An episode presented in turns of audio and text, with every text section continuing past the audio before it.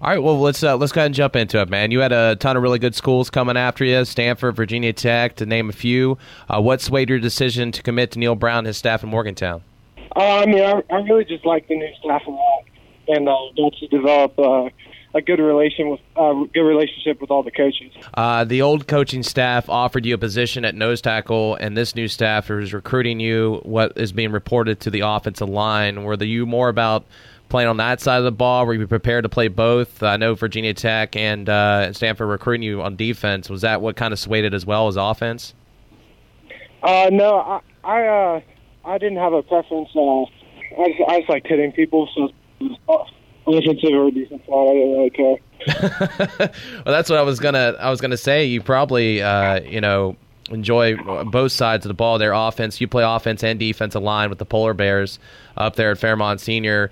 Um, adapting to both sides, uh, what's the adapting like the adapting process of that? Where you go from offensive line to defensive line? What's the major differences there, and what do you basically got to do when you switch uh, both sides of the ball in that line?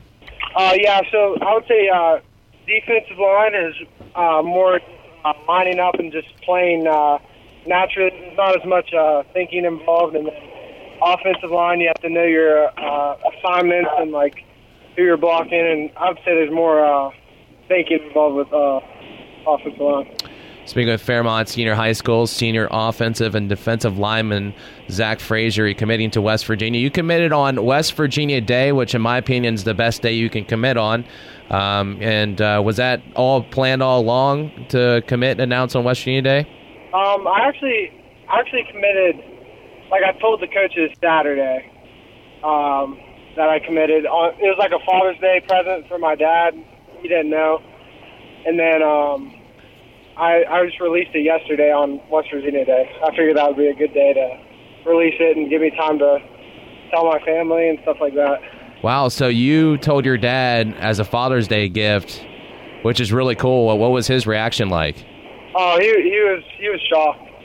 Uh, it was really cool to. That is awesome. Uh, well, you get to join some former polar bears in Morgantown, the Stills brothers. You got Jake Abbott up there. Uh, how much of that went into the decision? How cool is it gonna be joining back with your guys and your friends there? Yeah, I mean it'll definitely be cool to um, team up with them again, and um, I just have good relationships with them so it'll be exciting. Outside of uh, football, you're a phenomenal wrestler, a three-time state champion, including back-to-back recently undefeated sophomore and junior year. How does wrestling help with the football football side? You know, is it is as far as stamina and focus? What does wrestling do for your football career?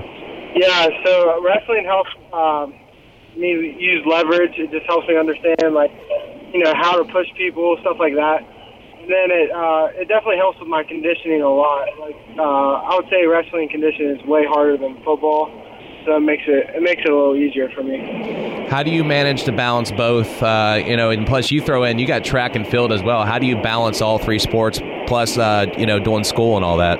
Yeah, I mean I just have fun. Uh, I like competing, so I mean it's not really that hard for me because I like I like doing it. So. Is it a? It's a, I would imagine diets are probably different as well through different seasons. Balancing your diet, how do you do that as well? Um, I I actually uh, I didn't have to cut any weight for wrestling uh, season, so like I stay around like 280 like all year.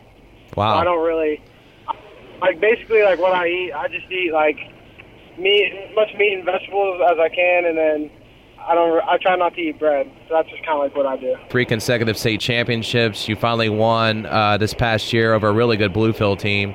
Talk about finally winning a championship in football, and uh, I'm sure you're looking to go back to back this year. That'd be a fitting way to end your high school career.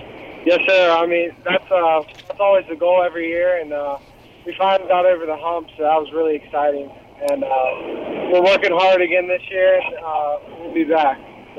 Finally, speaking of your uh, that final year, what are you trying to improve on most in your last year with the Polar Bears, and what's the biggest goal for you outside of the obvious championship? What do you want to accomplish heading before you go to college? Uh, I mean, I I, I want to states again. That's definitely my goal, uh, and I'm just trying to get uh, you know everyone working hard, and we'll be back. That's our that's definitely our goal, and everyone's working hard, so that'll be good. He's Zach Frazier. He's a senior offensive lineman and defensive lineman. He's going to head up to Morgantown in 2020. He's going to finish up his senior year there with the Polar Bears. Thank you for taking the time today. Good luck this year. I'll be following along, and uh, hopefully you guys can get back and, uh, and win another state title, Zach. Yes, sir. Thank you.